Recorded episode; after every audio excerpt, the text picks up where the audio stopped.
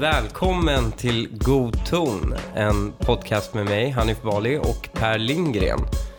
Före vi börjar det här avsnittet så har vi bara lite housekeeping to do och det är nämligen så att vi ligger efter på att lägga in massor av nya Patreons som har tillkommit eh, i vår hemliga grupp. Så eh, håll ut, vi håller på och åtgärda det så fort som möjligt och lagom tills när det här avsnittet är ute ska de flesta vara inne. Ni som inte har kommit in, skicka ett meddelande till oss på Patreon med er mailadress som är kopplat till er Facebook-konto. Ni som inte har ett Facebook-konto, ja, det gör ni bra i.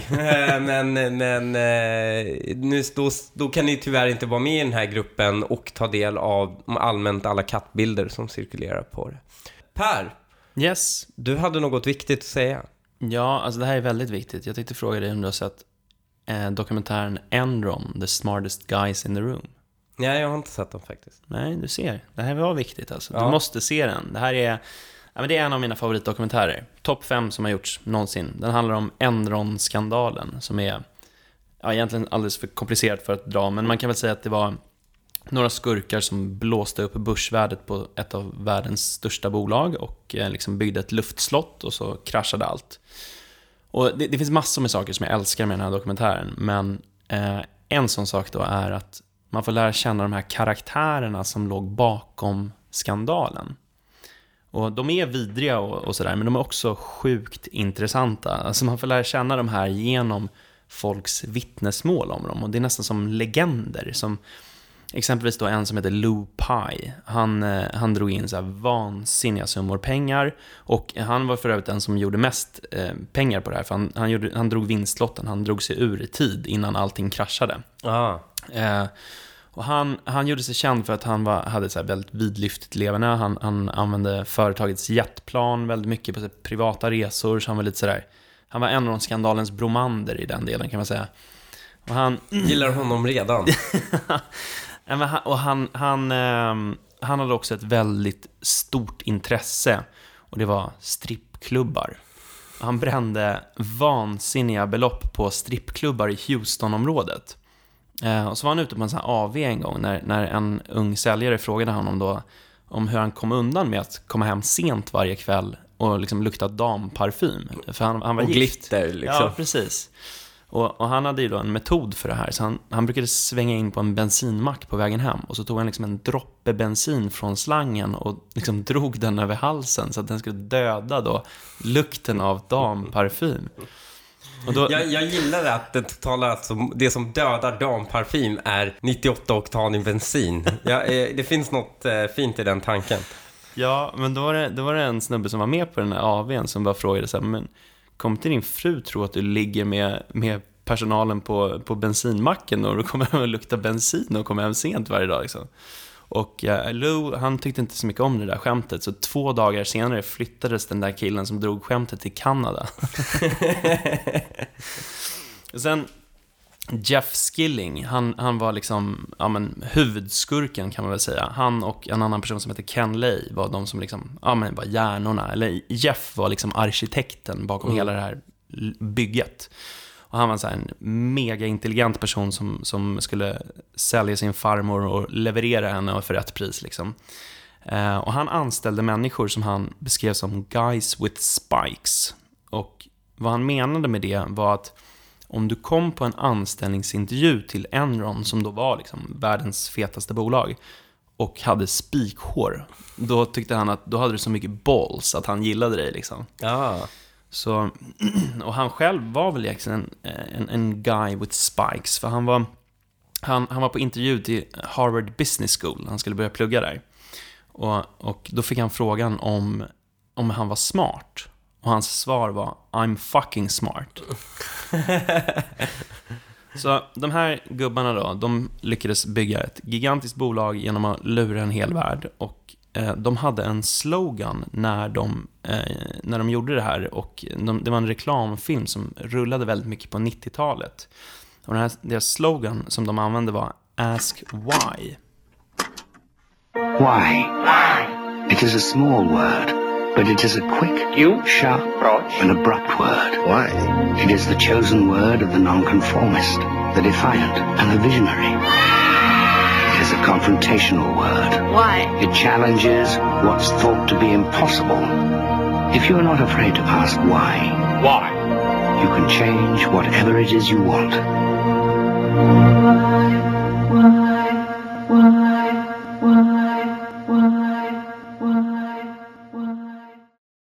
Och jag, jag har ju sett den här dokumentären så många gånger att det där ekot av Why, det har liksom satt sig i mitt huvud. Ja. Så, eh, alltså väldigt ofta när jag ställs inför liksom en, eh, en situation där jag blir frågande, då hör jag Why-ekot i mitt huvud. Why? Ja. Why? Ja, Ja. okej. Och så, så jag, jag har liksom radat upp några sådana situationer när jag blir lite frågande. Och jag tänkte att du skulle få uppleva nu hur det är att vara mig. Okej. Ja. Vänsterfeminister, de, de em, upprörs över att reklam för bindor använder blå vätska istället för röd vätska. Och poängen är då att natur, det är liksom naturligt att ha mens, så därför borde inte det gömmas undan. Så bindor borde säljas med hjälp av mens istället för någon artificiell blå vätska. Men varför är ingen upprörd över att naturliga saker som toapapper och blöjor inte säljs med hjälp av avföring?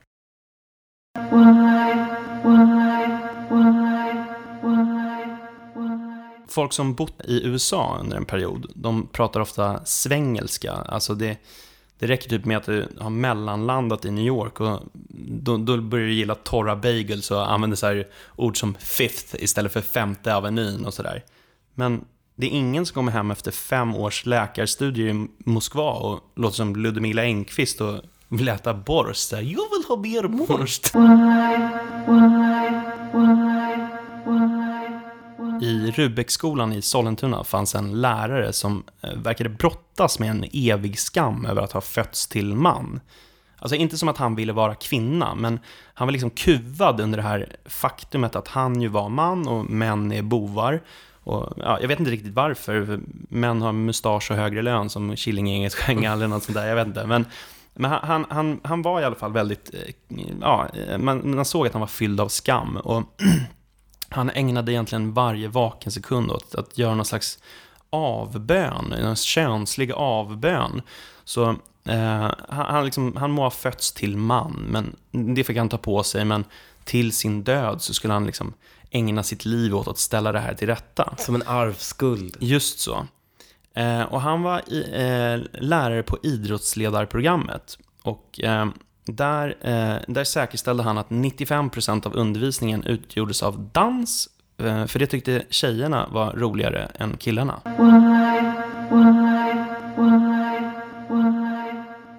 Jag, jag gick inte idrottsledarprogrammet, men, men jag brukade roa mig med att eh, sitta på läktaren och titta på de här pursvenska manliga eleverna när de försökte röra sig i takt till musiken. Eh, det fick mig att tänka på en groda jag såg en gång. Den hade fastnat på ett elstängsel och en puls av elektricitet skickades genom kroppen. Så med viss frekvens så spände sig hela grodan, men man visste liksom att den var död inuti. Jag hade det tveksamma nöjet att ha den här läraren i sex och samlevnad på gymnasiet. Eh, då sa han de bevingade orden Bara så ni vet det, jag tycker att tjejer är mycket bättre än killar. Och det var alltså inte så att det här var liksom någonting som räddades av en kontext, utan det var ett generellt uttalande. Eh, och han berättade även att han brukade gå in på eh, porr en gång om året för att se hur den världen liksom utvecklades. Så han tittade egentligen inte på eh, porr, utan det var något slags dokumentärt altruistiskt syfte. Så han liksom klev in där som en turist på savannen med kikare och så här kaki färgade cargo shorts och, och tittade liksom Hur nyfiket. infödingarna har det. Just så. Ehm, och, och eh, alltså, jag, jag tror att jag aldrig innan eller efter det har hört något värre dynga till försvar för sin sökhistorik. Men eh, Eh, den här stjärnan i alla fall, han informerade också klassen om att det inte är någon skillnad på manlig och kvinnlig sexualitet. Och jag funderade då på berättelserna jag hade hört om killarna i Edsberg som grupprunkade under högstadietiden. Varför hade inte jag hört några sådana berättelser om tjejer? Varför spreds inga legender om Häggvikbrudarna som hade pullarpartyn?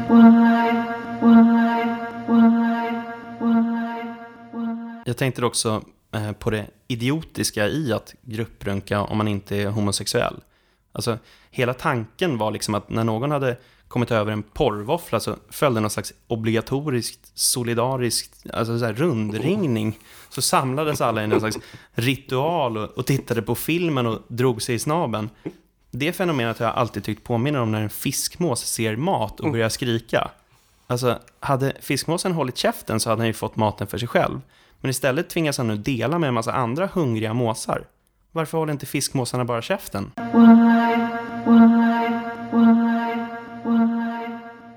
Det finns faktiskt en förklaring till det där. Är det så? Och det är nämligen så att fiskmåsarna kan, slutar aldrig äta.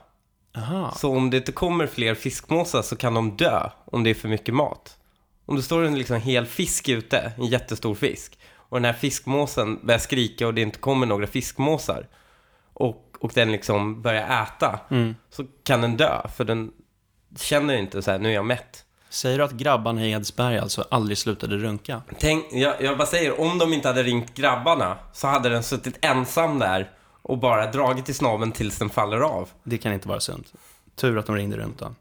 Men när den här lär, läraren sa det här om eh, manlig och kvinnlig eh, sexualitet, att den är likadan, så eh, tänkte jag också på eh, mig och mina kompisar när vi var 11 år och letade efter porrblaskor i så här ruttnade stubbar under stenar i skogsdungar i norrort.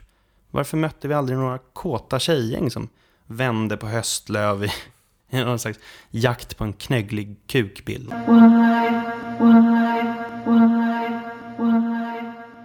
Man har anklagats för att ha drogvåldtagit en kvinna och sexuellt ofredat ett stort antal andra kvinnor och så ska man intervjuas på det temat i Uppdrag granskning. Varför har man då inte förberett sig på att svara på frågor om precis det temat?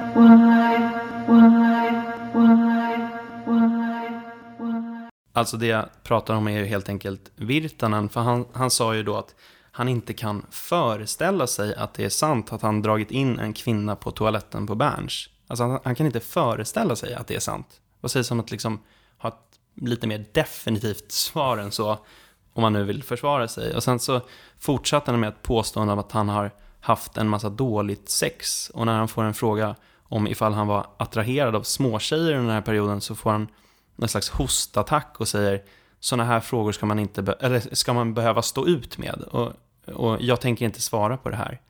Och alltså så här, jag vill egentligen inte gå in på någon spekulation i själva skuldfrågan, för jag kan verkligen inte avgöra ifall jag tror honom eller jag tror Cissi eller vem jag tror på. Jag, jag kan verkligen inte avgöra det. Men jag tycker bara att det var så hejdlöst dåligt förberedd intervju, var det inte det? Och det var också, hon var ju jättesnäll mot honom. Ja, Alltså, hon grävde ju inte i det där. nej. Och, och pitchen var också, jaha, så 14-åringen, du frågade en 14-åring om den ville ligga med dig. Och det var alltså, du frågade det före hon sa att hon ville praoa hos dig. Jo, fast i hans försvar så visste väl han inte nödvändigtvis hur gammal hon var. Alltså har du sett profilbilden hon hade då? Nej, det har jag inte. Hon, det är inte som de här liksom, våra, vå- våra afghanska vuxenmän, att det är tveksamt. Utan det är ganska definitivt Ja, okej. eh, att, eh, att hon, är, hon är ganska liten. Ja, Nej, men jag tyckte de var sjukt snälla mot honom. ja, Sen förvisso ka- kan man ju köra det här försvaret att ja, men idén var att, så att säga, ifrågasätta pressetiken och, och mediernas hantering av det hela. Men det var ju också att försöka tvätta hon, hans image lite. Det blev ju- Alltså, jag tror att det var väl... Nej, var det det? det är Jan Helin drar en, drar en lans för sin gamla kollega. Jag tycker att det är intressant också att eh, de sökte ju Thomas Mattsson för att han skulle prata om de här metoo-publiceringarna. Men han låt, lät sig inte bli nådd. Och det är intressant med tanke på någonting som jag har tagit upp tidigare i podden, att han hade ju som eh, liksom tips på hur man kan krishantera, att man då ska prata med journalisterna och sådär. Ja, ring upp oss. Ja. Prata ut. Säg hur det, hur det egentligen ligger till. Ja, men nu var det inte så riktigt eh, aktuellt längre att prata med journalisterna. Jag ska börja köra det varje gång Expressen ringer mig när jag har gjort något dumt. Ska jag bara, nej men jag kör, I, I, I pledge the Mattsson. Ja. Nej men Eh, det, är, det är ganska intressant att följa reaktionerna som har varit på eh, Uppdrag granskning. Delvis hysteriska på båda sidor. Ehm, Hur menar du? Berätta. Ja, men till exempel fanns det 100 anmälningar till granskningsnämnden mot, mot avsnittet innan den hade sänts. Ja men jösses. Ehm, Så, så till viss del hysteriskt å- å- åt den ena sidan och sen hysteriskt åt den andra sidan då man anser att nej men eh, liksom den här snubben är, han är så oskyldig och stackarn, det är så synd om honom och, och så vidare. Så det verkar vara ett rent skyttegravskrig mellan, mellan två olika sidor. Eh, Jag tar ju en mycket mer pragmatisk hållning och säger att jag är glad över utfallet. Jag är bara glad över utfallet, nämligen han är borta och eh, hans, liksom, många av de skrikiga typerna längst ut till vänster som har faktiskt sett till att han är borta, eh, nu också liksom ställs lite till svars för drev, drevet. Um, jag menar, Jag, vin... jag, jag, jag, kan, jag kan, jag måste ändå säga det i någon slags så här, eh, jag, alltså jag vet inte, i någon självbevarelsedrift antar jag. Alltså för grejen är så här, om han har gjort det han har påståtts gjort, så eh, vill jag inte vara den som sitter här och garvar åt eh, att, eh, liksom, ja, åt att det här är en lustig situation där en krönikör har, liksom, på vänsterkanten har eh, torskat jobbet. Jag, ja, har han drogvåldtagit henne, may he burn in hell liksom. Mm. Samtidigt så är det så här, Absolut, har, men det har mest- han inte det, Ja, May she burn in hell. Jag tycker att det är, eh, alltså det är en jävligt knepig situation att gå in från sidlinjen och tycka för bestämda saker. Ja, ja, absolut. Eh, Men jag bara säger att oavsett hur utfallet är i Mm. verkligheten, är inte jag liksom, jag är inte den som är ledsen Nej, över att. Fredrik Virtanen inte står på scen längre. Jag har viss förståelse och sympati med den känslan. Exakt. Ehm, Men det här försvaret han har, så här, men jag har haft lite, jag har haft mycket dåligt sex. Ja, Och det var- det är ju sämsta försvaret. Alltså, Alltså, och också den här, jag har inte gjort något kriminellt, jag var bara hög som ett hus hela nej, men- 2000-talet. nej, Han var ju tölpig.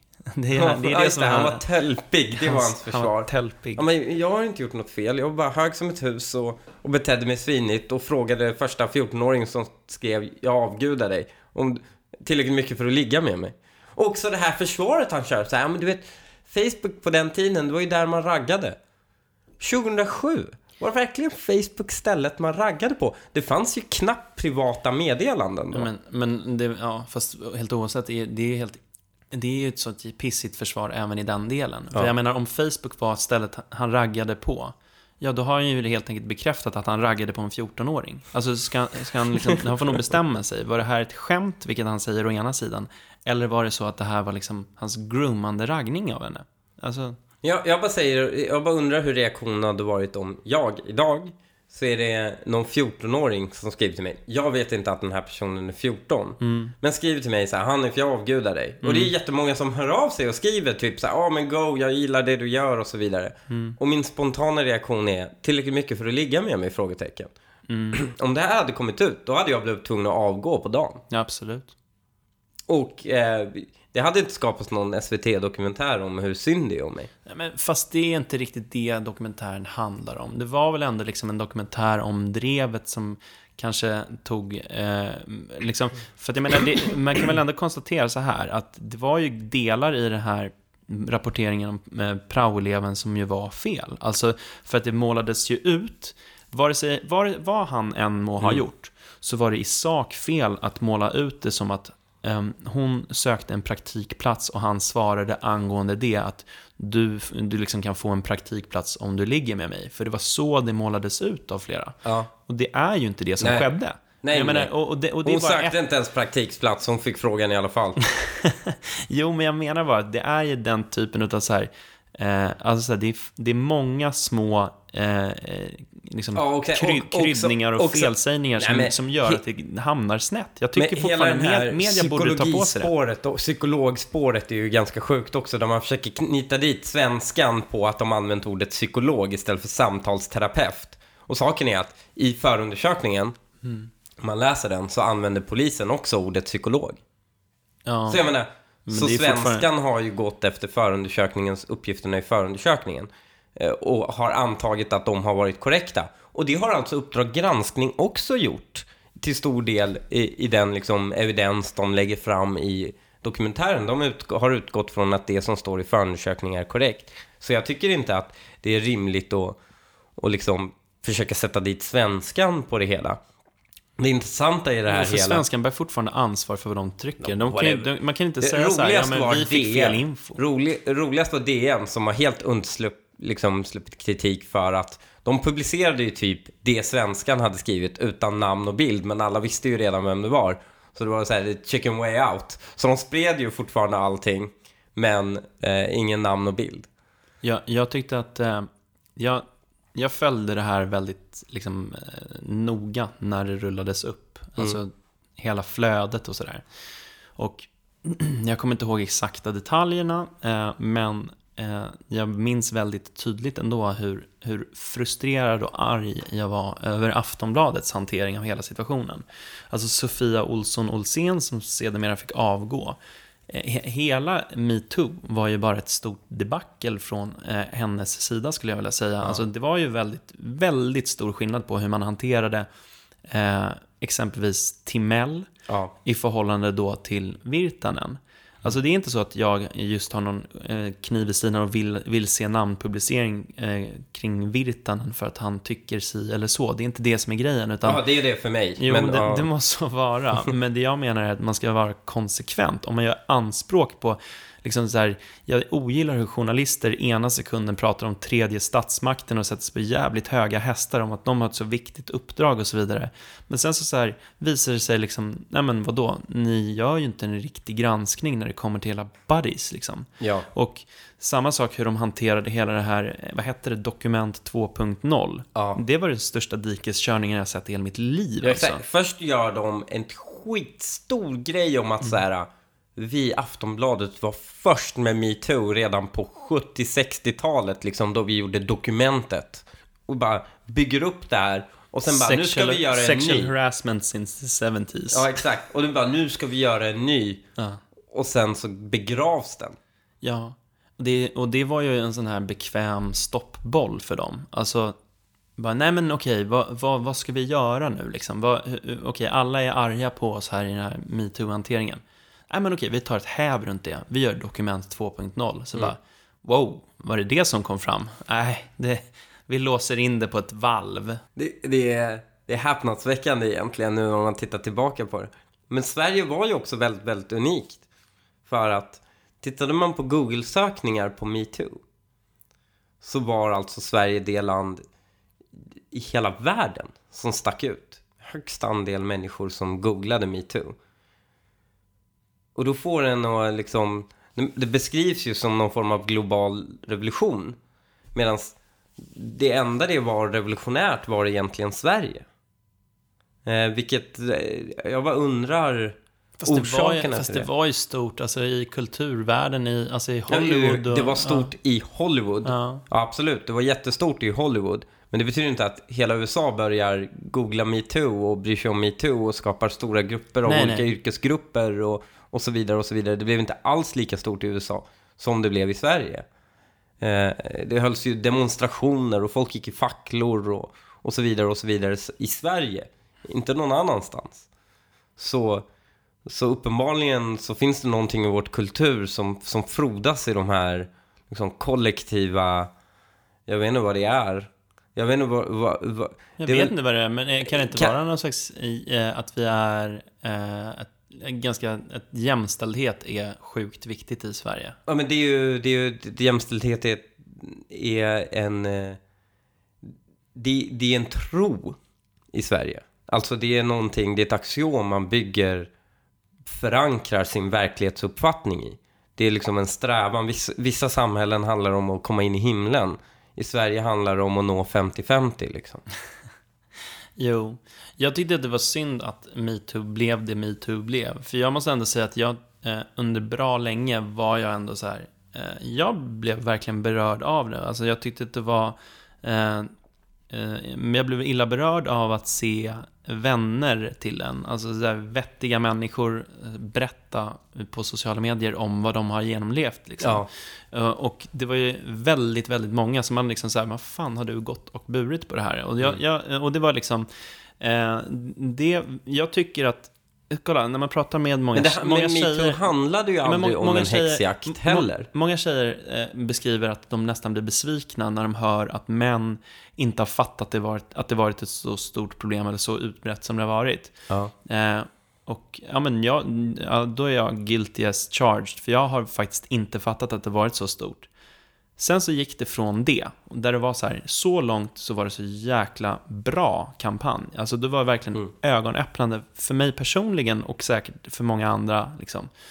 Sen så gick det till att det blev någon slags, allt skulle in under begreppet metoo. Alltså det var så här, när någon har sagt någonting härskartekniskt till någon, liksom, eller när någon har varit nedlåt, alltså så här, Nej, det gick ju så långt till en, eh, för en bekant till mig eh, var det ju så att eh, han hade frågat, bara artigt frågat en tjej om hon ville, att han tyckte hon såg bra ut och frågade om hon ville gå på middag. Mm. Och det blev alltså, det blev ett ärende för hans arbetsgivare. Mm. Och det var inte i någon form av liksom, det var ju en privat konversation han fr- frågade. Och den och, det, första... och, då, och, då, och det blev liksom, och då blev man så här, det här är ju bara märkligt. Jag menar, för det var till stor del också, det finns, fanns massor av tjejer som jag alltså, respekterade oerhört mycket. Ehm, och som, eh, som jag, eh, men jag hade bilden av också att så här, det här är de som speak their mouth, tar ingen skit och så vidare. Och när de berättade de här berättelserna bara shit, ja men det finns ju uppenbart en tystnadskultur om hon inte hade vågat gå ut med det förrän det blir en, liksom en kollektiv grej. ja. Så jag menar, för mig var det ju eh, för det, men det var ju aldrig heller idén heller om att det skulle bli eh, det skulle bli individuella häxjakter heller. Liksom. Idén var ju att tjejer skulle berätta om sin, här, olika saker de varit med om och det skulle få människor att tänka om. ja. Ehm, för det, jag vet också exempel där, där ja, men vissa har skrivit ner liksom sina tankar och vad de har gått igenom och sen har de liksom stavat fel på något ord eller någon, någon plats eller blandat ihop bara olika titlar. Och sen så använder folk uteslutningsprincipen och så bara, ja, ah, hon åsyftar den här snubben. Och så visar det sig att hon hade bara råkat skriva fel. Men då hade det gått liksom, då hade den redan snacket gått så här, ja men den personen är utpekad nu. Och det är ju livsfarligt för den personen, som är då oskyldig liksom. För då var det inte ens som att han säger, hon säger. Han bara, var bara, genom uteslutningsmetoden hade folk landat i fel person på grund av en felskrivning. Eh, och det är ju det som jag märkte börjar bli riktigt farligt med, med det här för att ja, men det är ju career ending shit. Eh, men alltså vissa av de där grejerna, särskilt i maktens korridorer, eh, som man tog del av var ju liksom, eh, det- kokade i mig. För jag önskar bara så här, du, varför har du inte sagt det här till mig? Jag hade förstört honom. Liksom. Det var ju typ så eh, som var den spontana reaktionen. Um, men sen så fick det också en att tänka, är, är också så här, men har jag gått över gränsen någon gång? Eh, och så. För vi sa aldrig så här, eh, jag var aldrig orolig för att gå över någon Virtanen-gräns liksom, men det var ju liksom, man, man, man, fick sig en tankeställare helt enkelt. Ja, men har det funnits någon gång man gjort en kommentar som varit onödig eller som har, eh, jag bara inte läst liksom, också så här, ibland också behandlat tjejer som om de vore killar. Hur, menar, menar- hur menar du då? Jag, jag kan vara, med mina killkompisar kan jag vara långt mer grov. Och det här har jag med tiden uppfattat och mognat till egentligen. Och med mina killkompisar kan jag vara långt mer grov och eh, ja, men smått hånfull. Som en så här äh, kul grej. Eh, och alla tar det bra och de kan ge tillbaka. Än vad man kan med tjejer. Eh, för det har hänt att ja, men jag, bara, ja, men jag ska behandla alla lika. Och då tänker man att så här, ja, men jag behandlar en tjej precis som jag skulle behandla min killkompis. Och sen får man reda på kanske i efterhand att nej, men det var inte alls uppskattat. Och liksom mottagaren av eh, mottagaren är, vem mottagaren är, är sjukt viktigt. Men handlar inte det mer om hur nära du står personen än, Nej, än nej, det kan könet? ha varit- alltså jag, jag, jag ser också skillnad i hur, hur grov man kan vara eh, i olika konstellationer. Mm. Men om det är eh, om mottagaren är en, en väldigt nära vän, Mm. oavsett kön, så kommer ju den mottagaren förstå att du skickar ett budskap som är eh, på skämt. Ja, absolut, men det kan också vara, jag tror också i och med att många tjejer utsätts förmodligen för det här, inte på skämt. Ja, så när folk säger att de får ta emot det och sen är det på skämt också, då blir det inte kul. Det är, det är samma sak, eh, det finns en sån aspekt med mig, till exempel, eh, när det kommer till eh, typ folk som skämtar om mitt skägg. Så jag tycker det är ganska kul när mina polare skämtar om mitt skägg eller folk som skämtar om mitt skägg. Det är ganska kul. Men så här, när kollegor, som är kollegor, och de, man kan ha en skämtsam attityd mot varandra, men när det är så här, ehm, när de gör så här, ja ah, men ditt talibanskägg. Och då bara så här, fuck you! Om jag hade varit blond hade du aldrig sagt talibanskägg. nej. Och det, det kan, jag vet inte varför, men det blir en så här spontan så här, men fan är du vad tror du du har för relation med mig? Eh, och, men då säger jag ju i och för sig det också.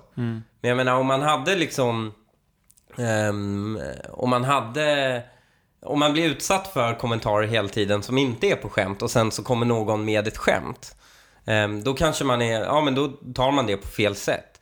Den andra viktiga faktorn tror jag är också, alltså oavsett hur nära man är varandra, eh, det är en annan relation jag har. Det kan vara ki- killar jag inte känner som jag kan ge komplimanger över deras utseende för.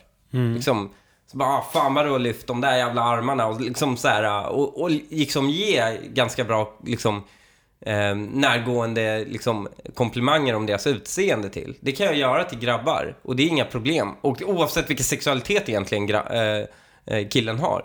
Men jag menar, det hade inte varit okej att jag så här, efter en utbildning tar en selfie och sen säger till någon brud liksom, ja ah, men fan vad schysst svank du har eller whatever. Men jag kan säga liksom, ja, jag kan säga det till en kille.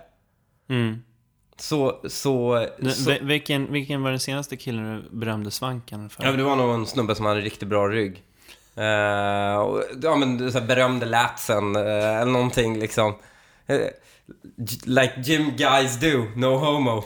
liksom. Eh, har du sett den här? Det finns en jävligt rolig seriestrip. Där eh, två grabbar, eh, Eh, så, så står de först i, i liksom, eh, i gymmet och, eh, han, och så bara oh nice pecs bro, så visar han snygga bröst liksom, no homo. Så bara oh thank you bro, thank you bro. Och sen nästa bild så står de i eh, duschen när han spanar in hans rumpa, så bara hey nice glutes bro, no homo. Så han bara oh, thank you, thank you. Och sen nästa bild så här suger han av killen och han bara clean cock bro. No homo. Han bara oh thank you bro, thank you bro. Så det är lite så här äh, bland gymkultur också att det, man får vara lite närgången i att berömma män eh, i hur deras utseende ser ut. Och det kan ibland till och med verka märkligt utifrån liksom. Men jag menar, det, jag skulle lätt kunna gå fram i gymmet till en snubbe och bara berömma hans glutes. Och bara fan vilka, vilken bra rumpa du har liksom. Det här är anledningen till att jag aldrig kommer gå till gymmet igen. Nej men, men, men jag skulle lätt kunna göra det och en kille skulle förmodligen ta det bra. Men om jag skulle gå fram till någon brud på, på gymmet och bara Ja, fan bra rumpa du har. Det hade ju såklart inte varit okej. Så uppenbarligen är vem som är mottagaren av, av, eh, av det här eh, spelar roll. Ja, men det är väl för att det inte finns en sexuell laddning. Alltså det... Ja, men det du- kan det finnas också. Jag, jag skämtar asmycket med mina homosexuella kompisar om det. Jo, men de vet att du är straight. Ja, i och för sig. Men och, tror, du, tror du de hade tagit illa upp om någon homosexuell kommit fram och Nej. sagt Det här är skillnad på manlig och kvinnlig sexualitet också. Så är det ju. Det finns ju en sån dimension också. Det är förmodligen flera lager. Liksom, både kulturellt lager och sen skillnaden mellan manlig och, och kvinnlig sexualitet. ehm, som spelar roll. Och det måste man... Jag tror killar måste bli lite mer fine-tuned till hur det funkar och vara lite mer känslig eh, inför det faktumet när man arbetar eh, och, och liksom med både kvinnliga vänner och, och kollegor. Känner du till vem Salahuddin Barakat är? Nej. Så han är en imam i Malmö, eller en rättslärd som det heter. Otroligt intelligent person. ehm, som eh, som tillhör, han har blivit lite så här, det- det går i vågor vem som är favoritimamen i media lite. Eh, och han är den nya nu. Eh, tidigare var det en svensk konvertit som hade blivit imam och, och det var typ runt 2006 där som det pikade då han var. Och eh, för en imam att bli lite av en gullegris i media i, i Sverige så räcker det med att du inte vill spränga upp människor. Det anses vara så jäkla fint eh, och icke-radikalt. Och medan när det kommer till kristna församlingar exempelvis så, så har man lite högre krav för att man ska liksom anses vara kosher på något sätt. Um, och han gjorde en intervju i tidningen Kvartal på deras podcast. Eh, eh, fredagsintervjun heter den. Och där han fick besvara lite av den kritiken som fram, eh, framförs mot, mot särskilt islam då. Eh, och han, hans modell för att liksom, bemöta väldigt mycket av kritiken är ganska, ganska intressant för att han anser ju sin tro vara just tro. Nämligen, han är ju ganska tydlig med det. Han anser till exempel att, eh, att kvinnor tar på sig burka eller slöja. Det, är, det ska ske på fritt val, självklart. Men det är ju en tro om att det kommer vägleda dem i livet. Och det behöver inte finnas någon vetenskaplig uppbackning för. Däremot, om du ska kritisera islam, då avkräver han vetenskaplig uppbackning för kritiken. Och Hur menar du då? men ta till exempel när man försöker kritisera de enskilda bitarna om till exempel, ja men leder det här till eh, kvinnors frihet eller, eller inte frihet? Då avkräver han, så att säga, för att implementera sin världsbild, då avkräver han inte en vetenskaplig evidens. Men för att kritisera hans världsbild, då avkräver han motdebattören en vetenskaplig evidens. Eh, och det är lite av ett fult knep han gör, men jag tycker de, den diskussionen som, som han väcker är ganska intressant för att jag, jag vill börja med det här och säga jag anser inte honom vara islamist, jag anser inte honom vara någon form av terrorjihadist eller någonting sånt. Han är en intelligent, ultrakonservativ imam. Men det du sa i inledningen var att det som gör att han blir en gullegris är att han inte förespråkar att man spränger sig. Vilket Exakt. är pretty close till att vara islamist, eller? Nej, det behöver det det? inte vara. Jag, jag tror han eh, definitivt inte gör anspråk på politisk eh, liksom, världslig makt på något sätt.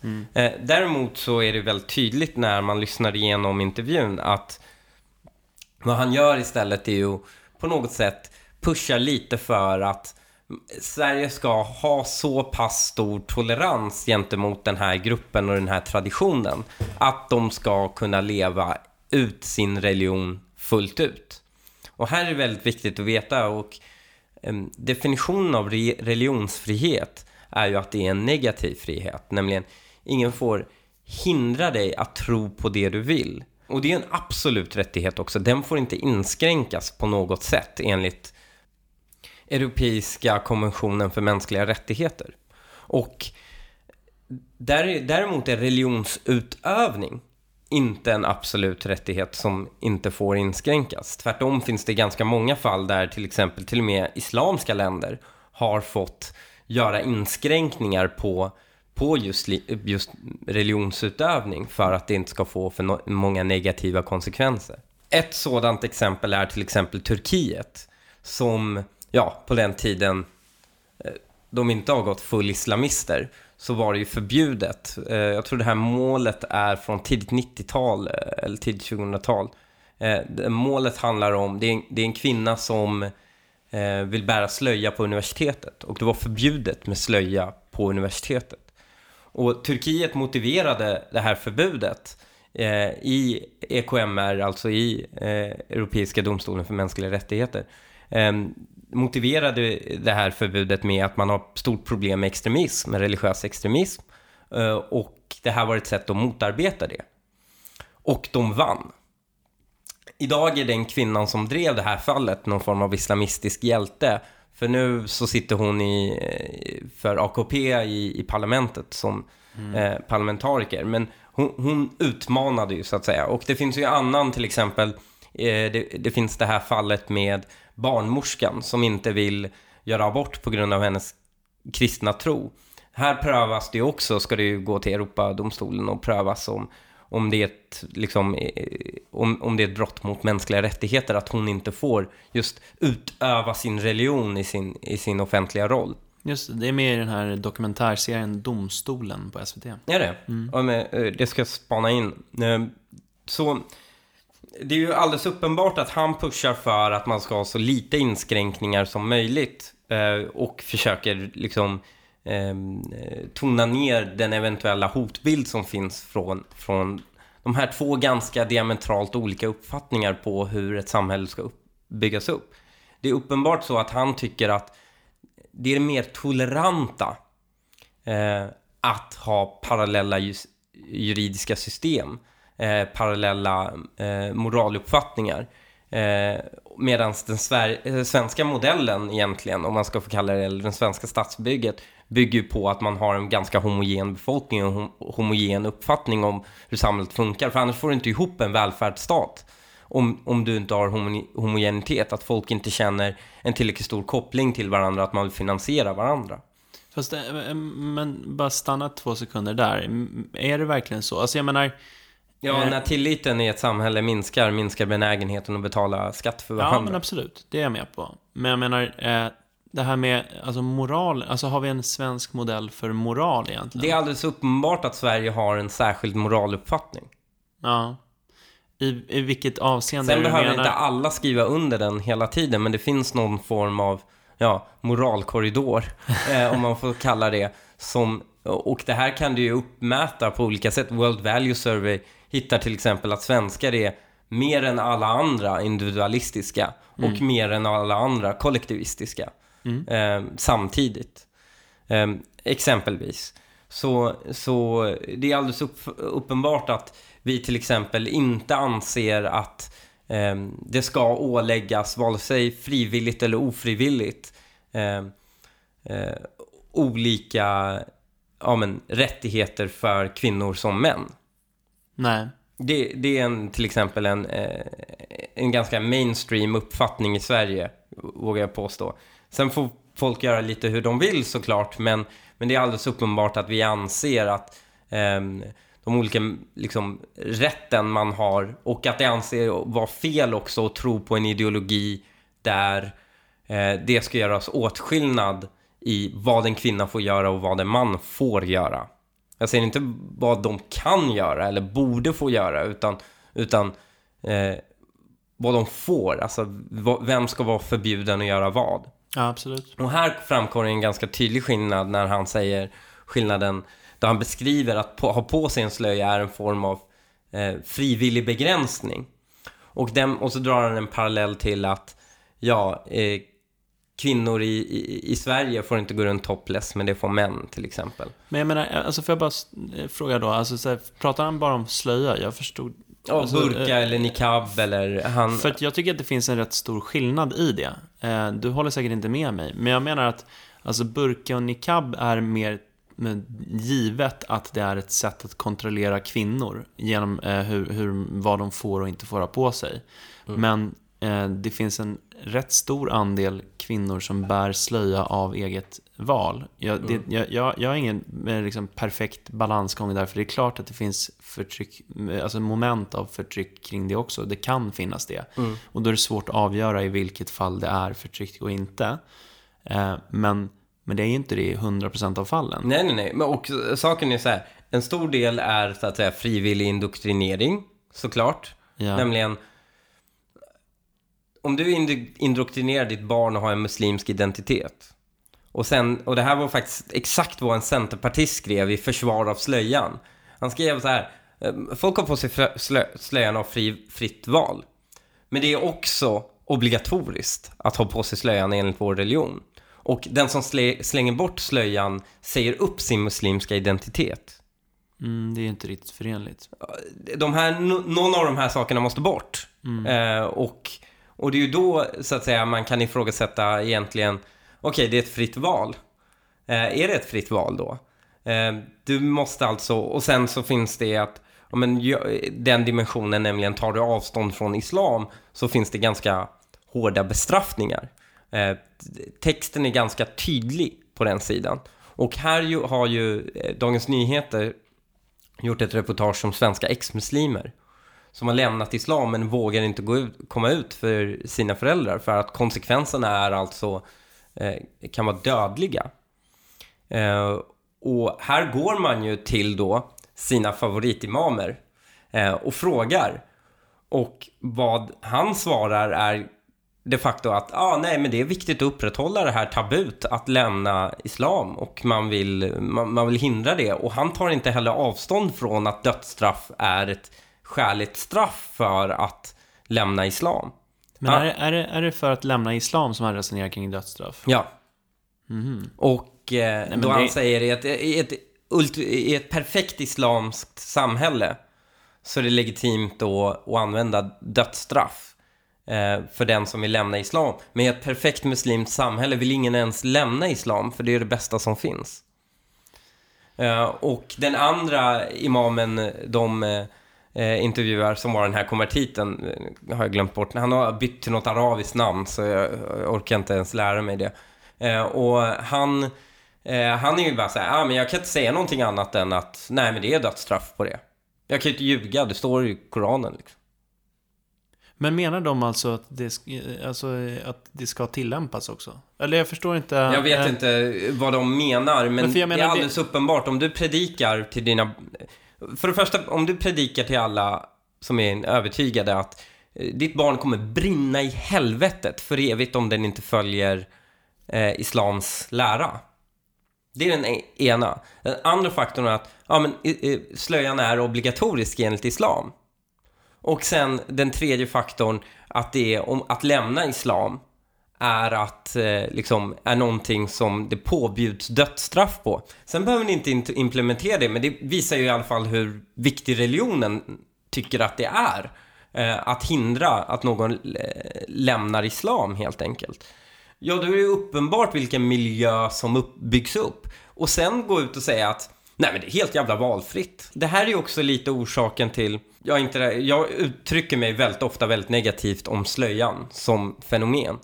Men jag uttrycker mig, de gånger jag uttrycker mig negativt också om någon som bär slöja, så är det oftast för att de propagerar för slöjan. Ja. Eh, då har jag liksom riktat kritik. Men jag riktar aldrig kritik mot någon som bara bär slöja.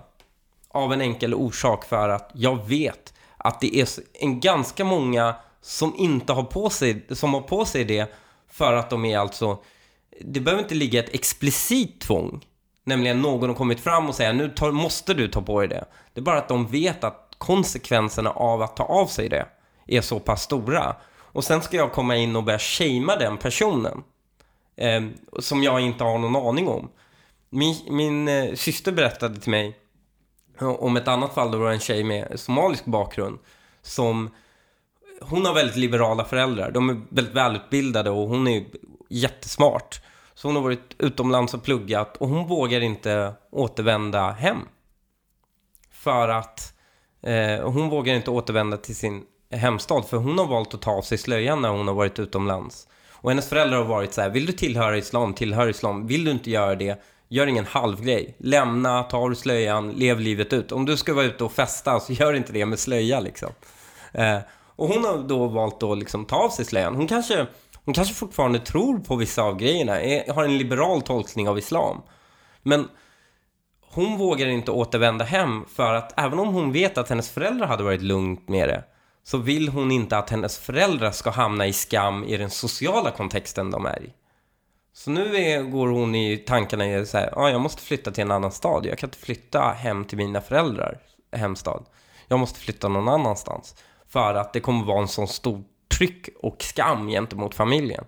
Och att då säga, ja men det är hennes fria val att, ja hon har ett fritt val att ta på sig eller ta av sig slöjan. Och hon har ju turen att ha väldigt liberala föräldrar. Men ändå så kan hon inte ta av sig den. Men det i är, sin fruktan, hemstad. det är fruktansvärt. Eh, jag, jag, jag håller verkligen med. Det där är vidrigt och det är ett sätt att kontrollera en människa på ett helt jävla makabert sätt. Sen, Men- så, är det så, finns sen så är det så att det är Ja. ett exempel. Och jag vet att det inte Mm. är det enda exemplet.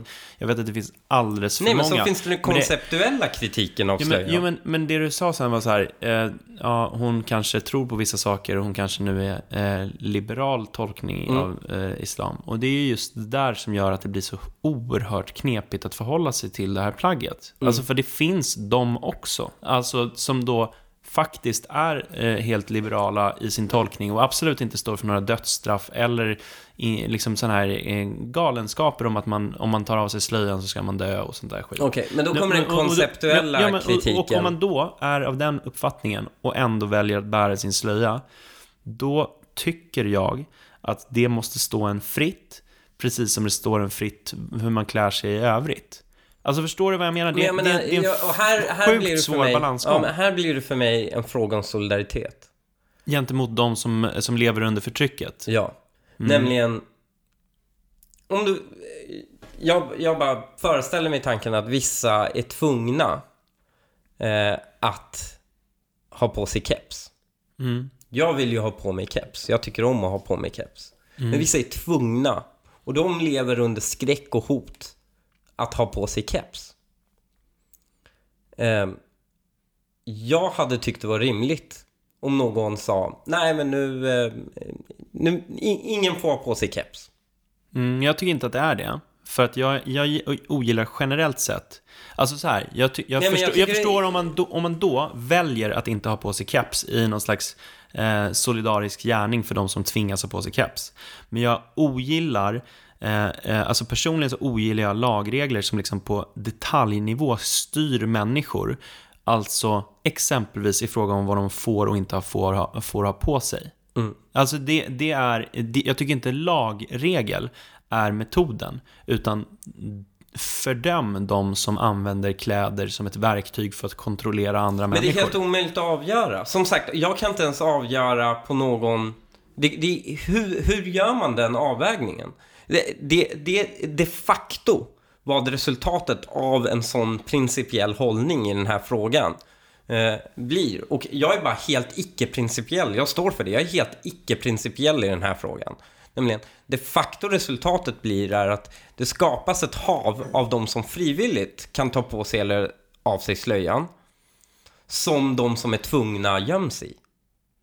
Det, det är ju vad resultatet blir. Och jag tycker, jag tycker någonstans, för den som det är valfritt för att ha på sig eller inte ha på sig den, ehm, är det ju ett långt mindre börda att ta av sig den än det är för de som är tvungna att ha på sig den. Men jag, jag, alltså jag fattar vad du menar. Jag, jag sympatiserar med den, liksom, för du har en solidaritet för de som tvingas ha på sig slöjan. Jag fattar det. Och det är liksom eh, fint av dig. Men, men det är ju en väldigt stor grupp människor som alltså inte upplever ett förtryck och som alltså har denna eh, jag tycker det känns lite trubbigt med förbud. Alltså det är lite... Ja, ja. Alltså, men alltså, det, det, men det, alltså, kommer som- någon på ett annat sätt att ändra det här så är jag all ears. Sen behöver inte förbud vara den bästa modellen heller. Alltså, det finns exempel i till exempel eh, Iran att det skapas, och i Turkiet för den delen, att det skapar en, eh, eh, en någon slags offerberättelse som gör så att de är ute efter oss, som radikaliserar vissa till och med. Så att det blir ännu större princip att han inte ta av sig slöjan. Eh, och sån, en sån berättelse är ju livsfarlig också. Eller livsfarlig, den är ju otroligt destruktiv för att det kommer snarare göra så att fler väljer att, och liksom, de som är kanske på gränsen eh, och, och på håret, att eh, byta åsikt i den frågan snarare radikaliseras. För det blir en tydlig konflikt då. Så jag menar, det finns ju andra exempel, till exempel där man i Iran, där man sakta med, med normer förändrade helt enkelt eh, slöjan och dess betydelse. Man skapade ett klimat där det ansågs vara lite bakvänt och inte modernt och, och fult egentligen att ha på sig slöjan. Det var miljön, men det var valfritt att ha på sig den också. För Iran har provat förbud och sen tog man bort förbudet och så skapade man ett klimat istället. Där man hade ja, men jag vågar kalla det någon form av intolerans mot det. Ehm, därutöver så fanns det till exempel krav på skolbarn att inte ha på sig det. Ehm, och då lyckades man ändra normerna. Eh, sen fick det ju en enorm backlash i form av en islamsk revolution. Eh, men, men det har ju förmodligen lite andra faktorer i sig också för att eh, mullorna kände faktiskt ett stort behov av att lova att de inte skulle påtvinga slöja under revolutionen. Men det är, det är väl utmärkt och det där tycker jag är vägen framåt. Alltså, alltså det är normerna som behöver förändras, Ja. inte lagarna. Och, alltså, så här, och, och, och, eh, jag tänker på, det fanns, eh, nu nyligen så var det en tjej som heter Summer Bond.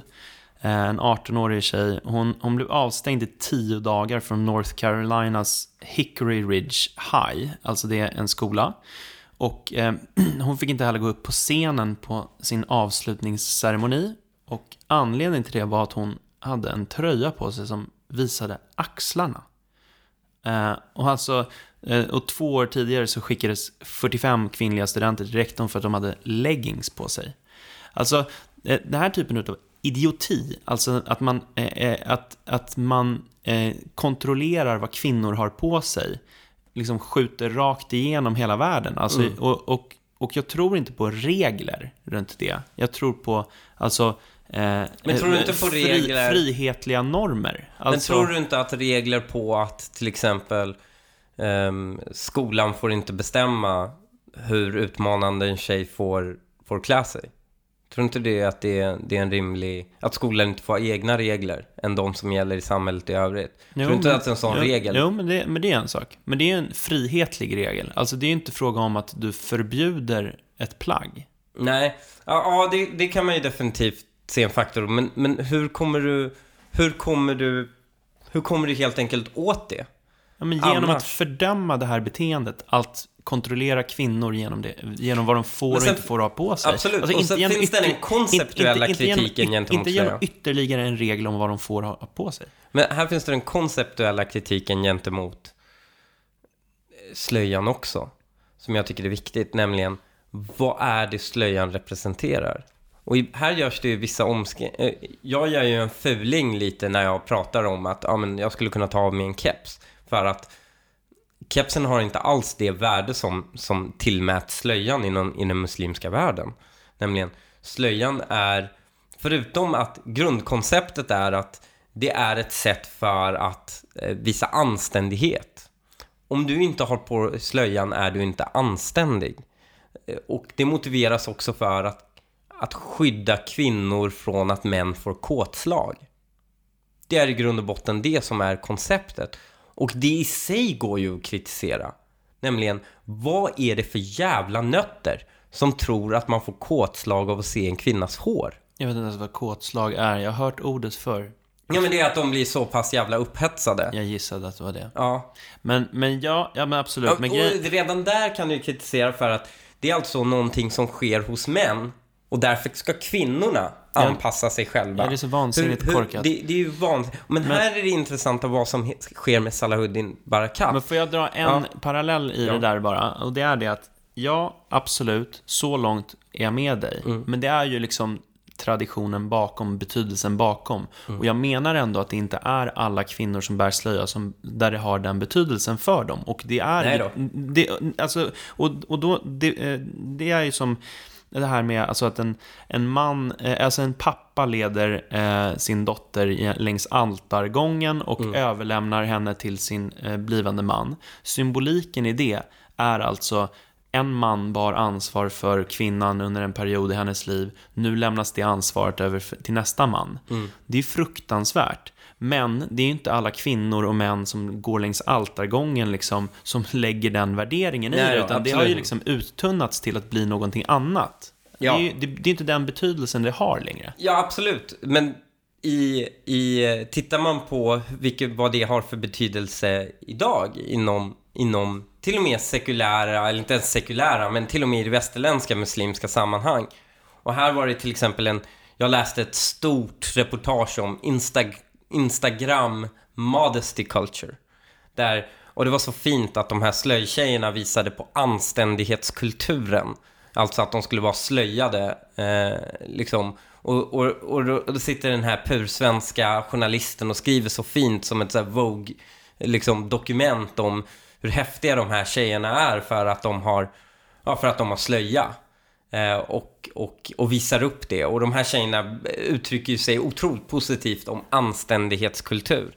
Alltså jag vågar påstå anständighetskultur, det är alltså ett annat ord för hederskultur. Det är alltså den andra baksidan. Nämligen, vi förväntar av dig att du ska vara anständig. Mm. Är du inte det bringar du skam.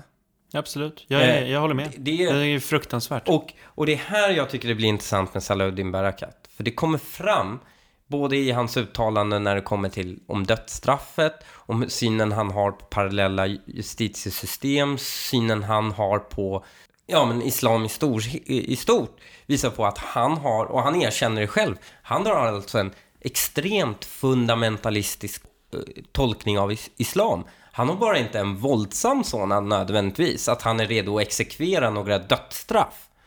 Men han har ju fortfarande en extrem fundamentalistisk tolkning. Och det är ju lite som, jag vet inte vad jag ska dra för parallell egentligen. Det är ju lite som att ge, eh, ja, revolutionär, liksom revolutionär kommunistisk ungdom ansvaret för att avradikalisera AFA. Alltså det är, för han får alltså pengar från och stöd och samarbete med Malmö för att avradikalisera ungdomar. Folk är nästan lite chockade att, men han var ju the good guy. Och, och, det är här jag tycker det finns en extrem eh, dubbel måttstock när det kommer till islam i, i Sverige. För att det vi avkräver i så att säga liberal tolkning av religion, av kristendom eller judendom eller vilken annan religion det är. Det avkräver vi inte islam.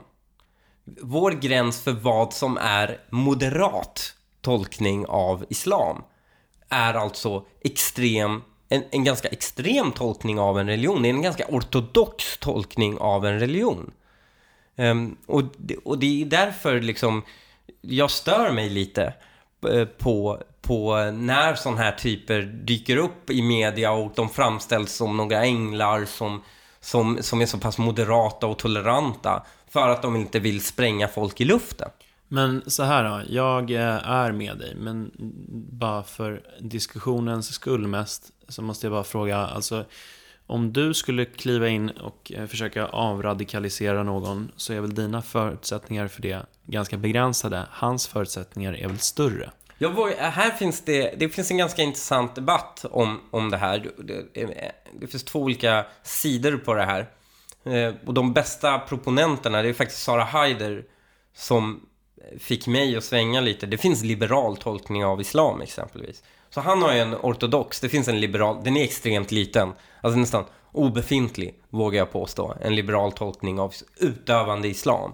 De flesta som blir det blir lite av, de, flesta lämnar helt, eller så, så. Men det finns en liberal strömning på något sätt som är, um, alltså, ett, många liberala muslimer går inte till moskén. Alltså de klarar av att och liksom, de, de ber sina böner eventuellt, ibland, ber, ber de inte ens, men de, de dricker till och med alkohol. Ehm, de kanske inte äter fläsk, ibland gör de det till och med. Ibland fastar de, ibland inte. Och jag kan till exempel se på min egen fostermor, hon gjorde en sån resa. När hon kom till Sverige, hon, hon åt inte fläskkött, men eh, hon, ehm, eh, hon bad när det var Ramadan, liksom. Och sen så slutade hon göra det efter ett tag. Och nu, sen började hon till och med sälja alkohol och, och fläskkött när hon öppnade restaurang liksom. Och du vet så här, hon har ju gått en, ja men gjort en resa. Det finns de som säger att ja, men vägen framåt är liberal islam. Det är lösningen. Alltså vi gör extremt akrobatiska tolkningar av Koranen. För det är ju det man måste också förstå, att det är mycket svårare att göra det med Koranen än med eh, till exempel Bibeln eller andra, till och med judendomen. För det enda som är Guds ord är ju de facto de tio budorden i de här religionen, religionerna. Det är det som 100% oförändrat är från Gud. Resten är bara profeters uttolkningar av Guds vilja. Alltså nu pratar du eh, judendom och kristendom. Exakt. Ja, men det där igen då så är det faktiskt... eh, Medan du- Kor- du- Koranen nej, men- är alltså jo, jag- 100% jag vet, som de tio jag vet, jag vet att, det, att det här är vad som sägs, men alltså, jag menar, jag eh, var vän med några i gymnasiet som var eh, alltså, så här, troende kristna, bokstavstroende Mm. kristna. Allt som står i Bibeln är Guds ord. Mm. Och alltså, så här, de trodde på att eh, när, om, om man bor i en stam någonstans där man inte har hört om kristendomen, ja, tough De luck, hamnar i helvetet. hamnar i helvetet. Ja, ja, ja. Absolut. Det finns sådana också. Jag säger bara att det är mycket lättare att göra en icke-fundamentalistisk tolkning av kristendom. Ja. Och kudos till de muslimer som lyckas göra en liberal tolkning av sin religion. Alltså, eh, liksom, all heder till dem. Men, och det är här Sarah Haider, som är ordförande för ex-muslims i USA, kommer fram med sitt argument, nämligen i, vad jag tror det är 4% eller någonting av kristna i Europa har en fundamentalistisk tolkning medan det är 40% hos muslimer.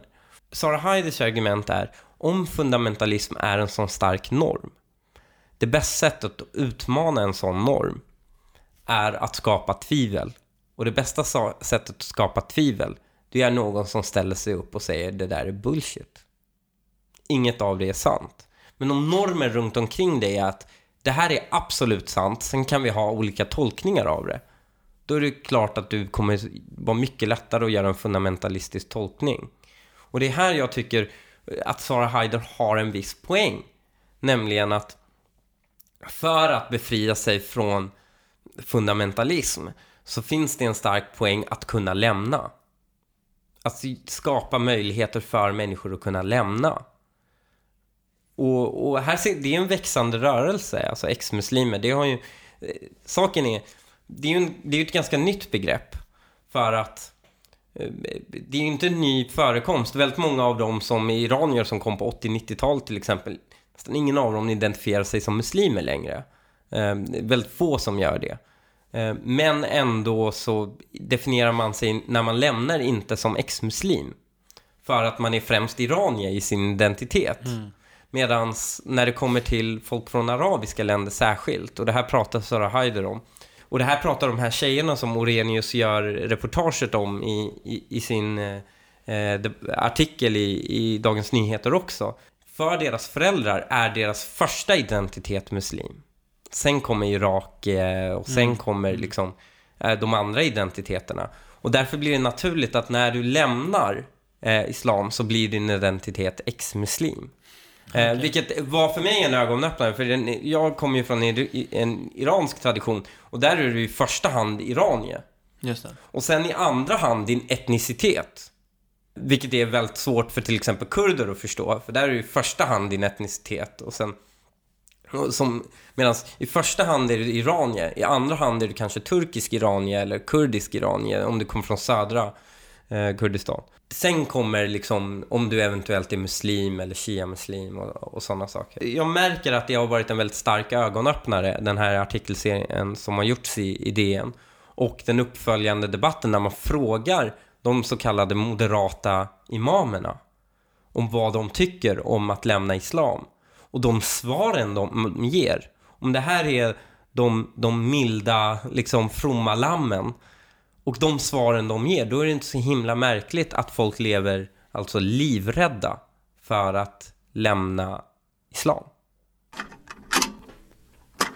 Allt som har en början har också ett slut. Eh, så även det här poddavsnittet. Men innan vi sätter punkt så måste vi tacka några som blivit riddare av god ton. Väldigt kul.